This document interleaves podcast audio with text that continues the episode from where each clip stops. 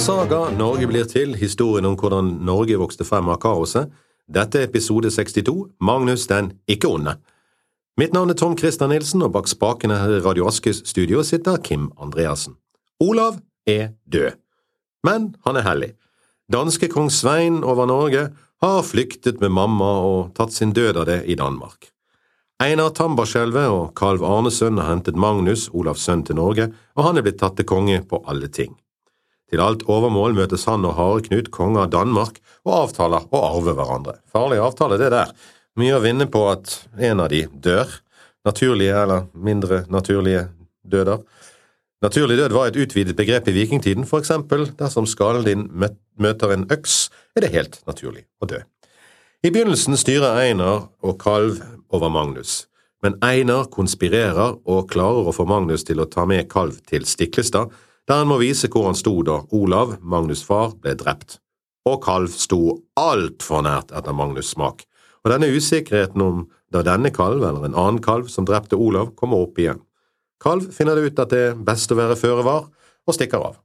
Magnus har allerede fått Hårika Kjøtta drept, Tore Hund har allerede rømt til Jerusalem, så nå er alle de tre generalene fra bondehæren på Stiklestad borte. Einar Tambarskjelvet, scenen er din. Og det er Einar som styrer i kulissene, i alle fall en stund. Men Magnus, eller Einar og Magnus, gjør det ikke helt lett for seg sjøl. Stikk i strid med de avtaler som er gjort, styrer Magnus på de samme strenge lovene som kong Svein hadde gjort før han, unntatt den med at ti norske vitner telte for ett dansk. Da. Men Magnus ser ut til å ville gjøre opp igjen feilene til både sin far og til Svein. Han starter en sakte, men målbevisst hevntokt mot sine fars motstandere. Med Sveins lover i hånd tar han én etter én og gjør de lovløse eller eiendomsløse eller det som verre er. Etter hvert begynner dette å skape uro i brede lag i folket, i alle fall det mektige folket. Det begynner å murre.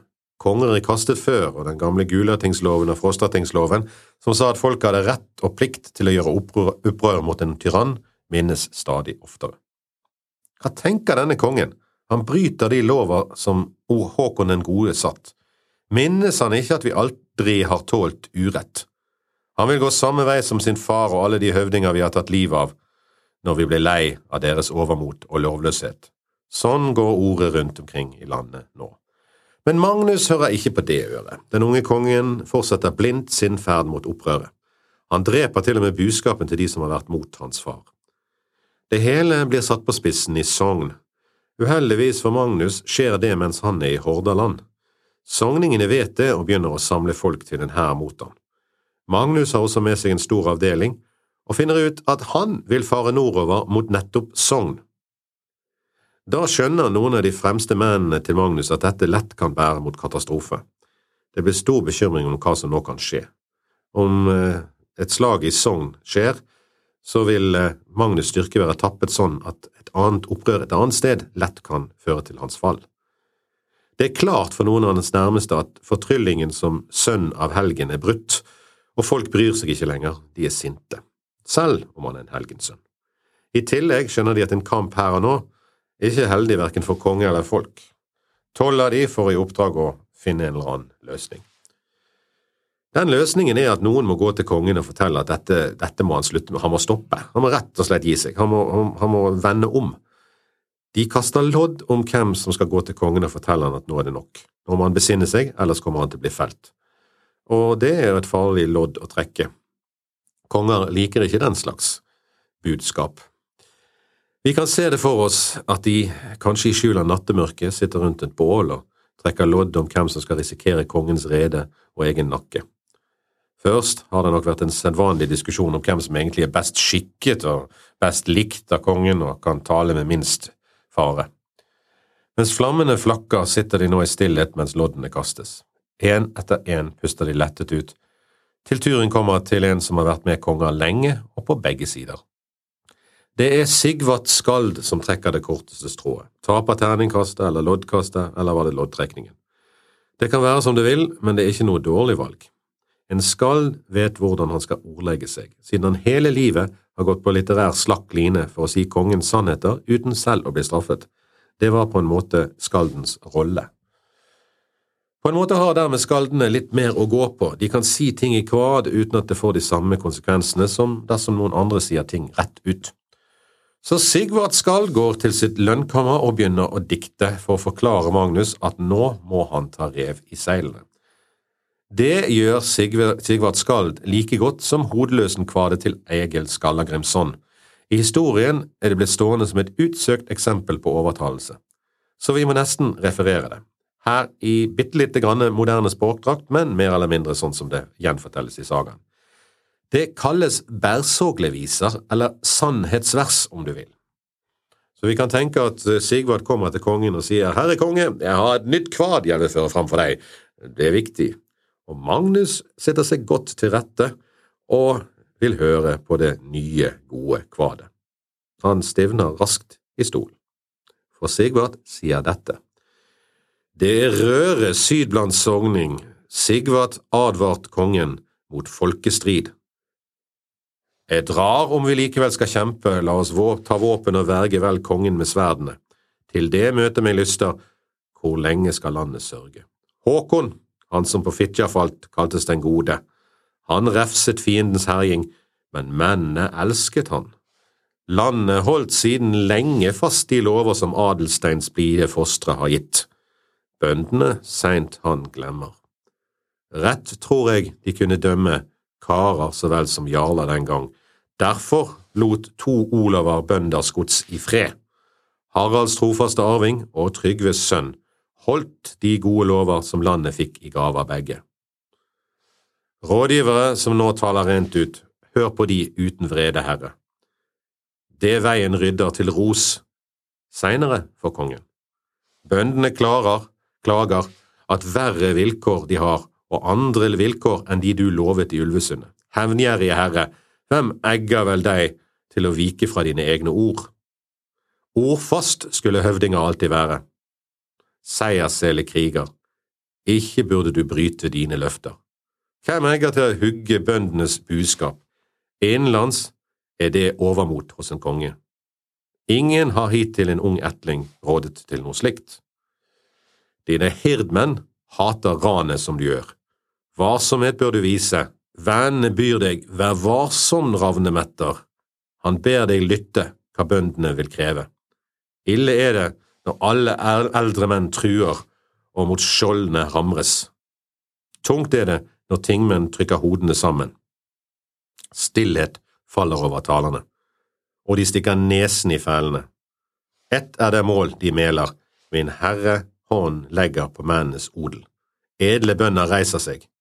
Mannen som fadersarven befalende urett dom må gi til kongens årmenn, mener det er ran. Med andre ord, Magnus, du bryter ditt løfte, du bryter loven, det murrer i hærene, bøndene i opprør, og de er sin fulle rett, stopp før det er for sent, du gjør tyveri. Da vil du æres hvis du stopper, ellers hvis du ikke stopper, vil du falle. Vi kan se for oss at Magnus sitter som forsteinet og hører på det han trodde skulle være lett underholdning. Det blir stille som i kvadet. Hva gjør kongen? Han samler nok sine mest betrodde menn og spør de om dette stemmer og hva de tenker. En som alle sier det samme. Hold Håkon den godes lover, dropp hevntoktene, fjern Sveins danske lover, ikke gå til krig mot sogningene. Stopp straffen mot folket. Vi kan se for oss at selv Einar Tambarskjelv gir det råd, eller så er det kanskje nettopp fordi Einar ikke er der, at Magnus finner ut at han må følge disse rådene. Som det enn er, Magnus tar hintet. Det går nok sporenstreks ord til sogningene om det, og Magnus seiler hjem til Trøndelag uten å utfordre sogningene. Der i Trøndelag blir det laget en ny lovsamling som får det litt underlige klengenavnet Grågåsen, og alle danskelovene er vekke. Eller Vel, det Snorre her egentlig forteller, er historien om den lovsamlingen som gjaldt på Island på hans tid, og som de mente var en kopi av Magnus' lovsamling. Hvorfor den heter Grågås, og fikk det navnet, det er ingen som vet. Var det på grunn av gåsefjærene som ble skrevet med, eller var det bundet i gåseskinn, eller var det bare fordi den var gammel og gåsen var regnet som en fugl som ble gammel? Ingen vet. Men det var den den het.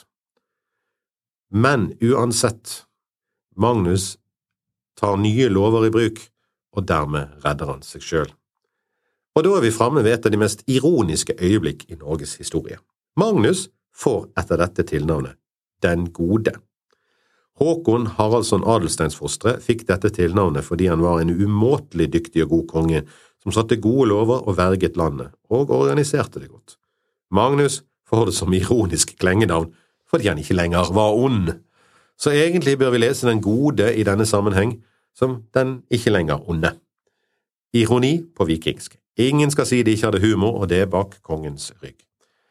Det viser seg at Magnus har gjort dette akkurat i siste liten, for nå er Hareknut altså han som var konge over Danmark, som han hadde avtalt å dele riket med hvis han døde før han, han er endelig kommet seg over til England. Som ved et lykketreff, ja, eller kanskje noe mer ondskapsfullt, dør hans bror Harald Harefot, altså han som har tatt makten i England, eh, plutselig. Altså, han har ikke den flaksen som vanligvis følger med harelabber, og dør temmelig overraskende, og vi vet fryktelig lite om hvordan det skjer, men dermed er Englands krone ledig. Hareknut griper den uten kamp. Men det går bare et par år før han er på fest og drikker en noe usunn drikk og faller død om.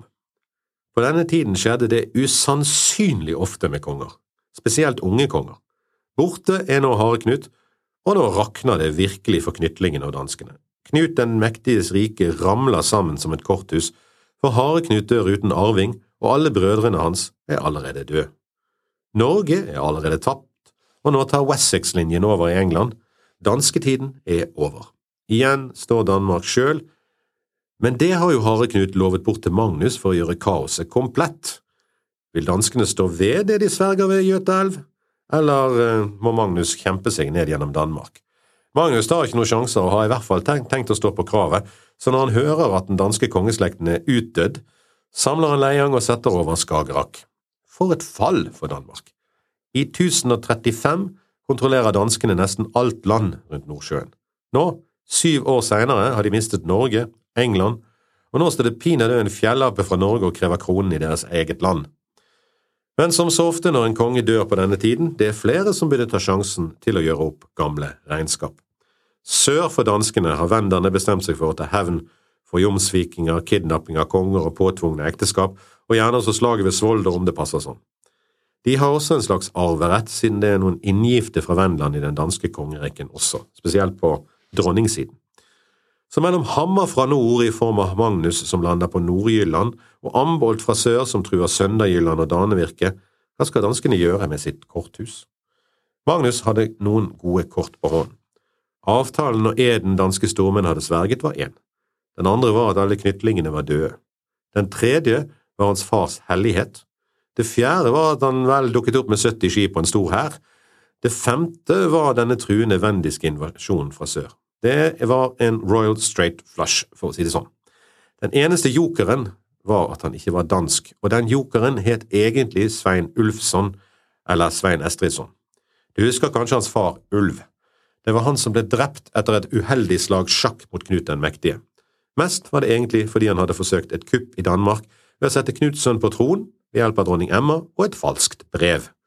Svein var hans sønn, men dermed også i slekt med Knut den mektige, Sigrid Storråde og de svenske kongene. Kort sagt en legitim, ganske sterk dansk arving til tronen. Hvor som helst i Norden, faktisk. Men Magnus stevner til ting i Viborg for å avgjøre saken, og i mellomtiden er Svein i utlegg i Svitjod, siden han ikke er så populær hos de danske kongene etter hans fars krumspring med sjakkbrettet. Dermed blir Magnus tatt til konge over Danmark i Sveins absentia. Magnus drar nå tilbake til Norge, eller egentlig til dagens Jøtaland og Sverige, rett nord for Jøtaelv. Men Svein har hørt nyhetene og er på vei. Han treffer kongen der, og det er kanskje derfor kongen er der, for Svein har jo befunnet seg øst, litt lenger øst i Svitjod. På et eller annet vis blir han tatt imot, og Magnus får den briljante ideen til å gjøre ham til jarl over Danmark, altså med andre ord konge i Magnus' fravær. Det er litt rart, og argumentasjonen er enda mer spesiell, for han sier han gjør han til jarl og stedfortreder slik Knut gjorde med hans far Ulv. Jaha, men faren gjorde jo mer med Ulv. Han drepte han, eh, fordi Ulv svek han. Ja, dette er jo eh, virkelig en smart idé. Eh, som det sier i Telemark, der det går godt folk føre, kommer godt folk etter, og omvendt.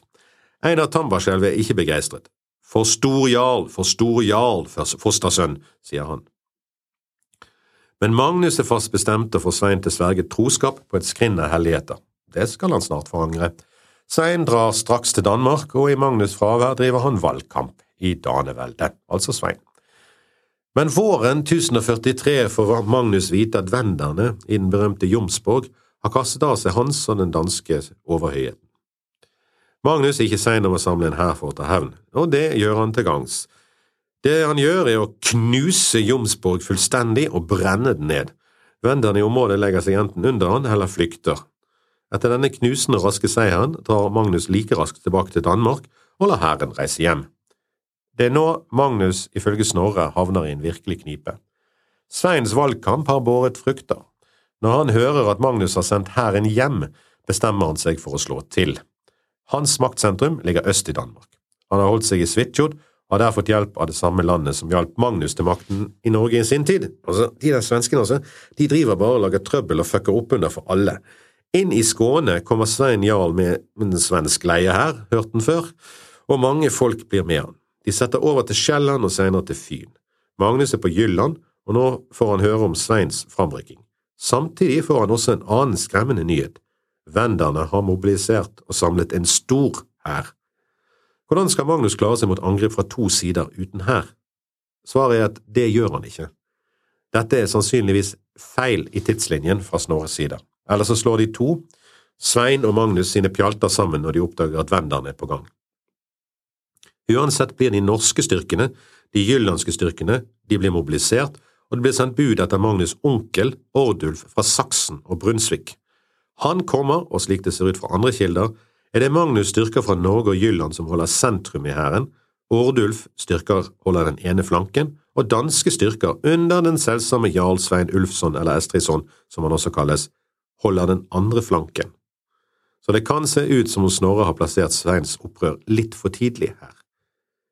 Ting tyder likevel på at Magnus ikke helt stoler på Sveins styrker, for de er satt opp imot en skog, slik at de ikke skal eh, liksom bare vende og stikke av i samlet flokk så veldig lett. De stiller opp på Lyrskog hede. Det er ganske langt syd, så mye tyder på at det har vært godt forvarsel om vendernes hærtog. Det virker vel nesten som om Magnus har ventet på dette angrepet etter hans angrep på Jomsborg tidligere. Venderhæren er etter sigende enorm, og når speiderne rapporterer dette tilbake, blir i alle fall deler av de nordiske styrkene svært urolige. Vi kan tenke oss at det først og fremst er danskene som får litt eh, uro i sjelen. Ifølge Snorre er det Ordulf fra Saksen derimot som vil kjempe, han er ikke redd for venderne, og han er egentlig den som kjenner de best, for han kommer altså fra Brunsvik og Saksen. De andre vil helst flykte. Magnus er sjøl usikker, og han beordrer alle menn til å væpne seg og sove på skjoldene sine den natten for å være trygge på et angrep. Natten går, og Magnus ligger urolig, som faren hans før han på Stiklestad. Han begynner å drømme.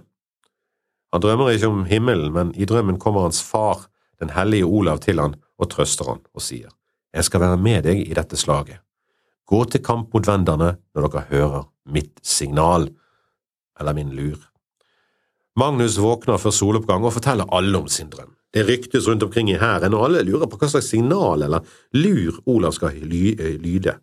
Noen tror nok at dette bare er kongens ønskedrøm men så lyder en tindrende klar klokkelyd ut av ingenting. Hårene reiser seg på ryggen på alle menn i hæren, og nordmennene sier straks at den lyden, den kjenner de, det er klokken Olav ga til Klemenskirken i Nidaros, de kjenner han igjen, sier de. Og nå reiser alle som en seg, og hæren går til spontant angrep, som en stor knyttneve smeller de inn i Venderhæren. Venderne er tydeligvis helt uforberedt på dette angrepet i grålysningen. Det er jo de som har den store hæren, og det er jo de som skal angripe, men her kommer nordboerne løpende som gale vikinger. Nettopp. Viking. Alt tyder på at dette fører til fullt kaos i Vender. Kanskje de ikke er helt stått opp ennå, men Magnus løper for oss med økser og slår med begge hender, og vendere faller som fluer. Panikk bryter ut hos venderne. Og selv om de er mange og fylkingen er tjukk, så snur de bakerste rekkene seg og kaster seg på flukt når de ser hvordan nordboerne meier ned fortroppen. Det sies at aldri før eller siden har så mange falt i Norden som i dette slaget. Men hva var det egentlig som skjedde? Hva slags klokker var det man hørte, eller hørte man noen i det hele tatt?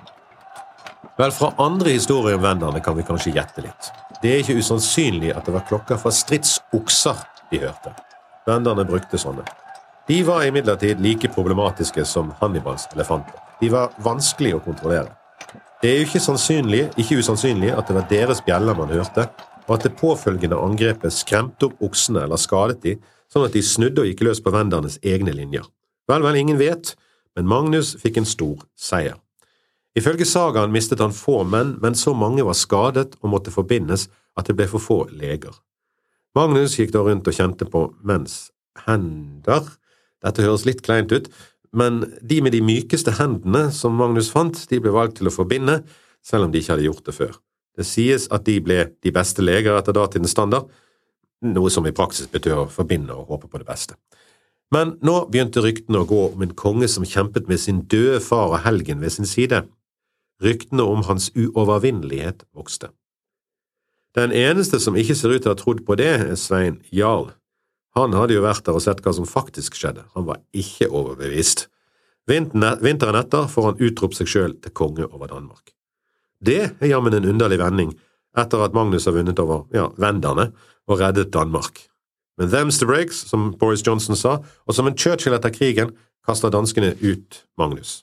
Eller de forsøker å kaste ut Magnus. Men Magnus har ingen planer om å gi seg, og det viser seg fort at det nå er to Danmark. Et Øst-Danmark, eller Skåne, som støtter Svein ved hjelp av Svitjod, og et Vest-Danmark med Jylland, som støtter Magnus. Det var jo de som var utsatt for venderne.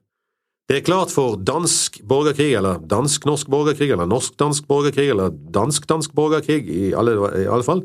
Mer om det neste gang, når Svein Jarl fremstår som den sleipeste av danske åler og snor seg unna igjen og igjen. Men før vi avslutter for denne gang, et vers fra Håvamål. Hvitløs mann, vaker all natti, tenkjer både opp og ut. Han er trøtt og mot når morgenen kommer, og alt er floket som før. Det nytter ikke å miste nattesøvn over problemer, løs de heller. Dette var episode 62, Magnus den ikke onde. Jeg er Tom Christer Nilsen, bak spakene har Kim Andreassen satt her i Radio Askøys studio. Hvis du har spørsmål eller kommentarer, send de til tom.christer.gmail.com.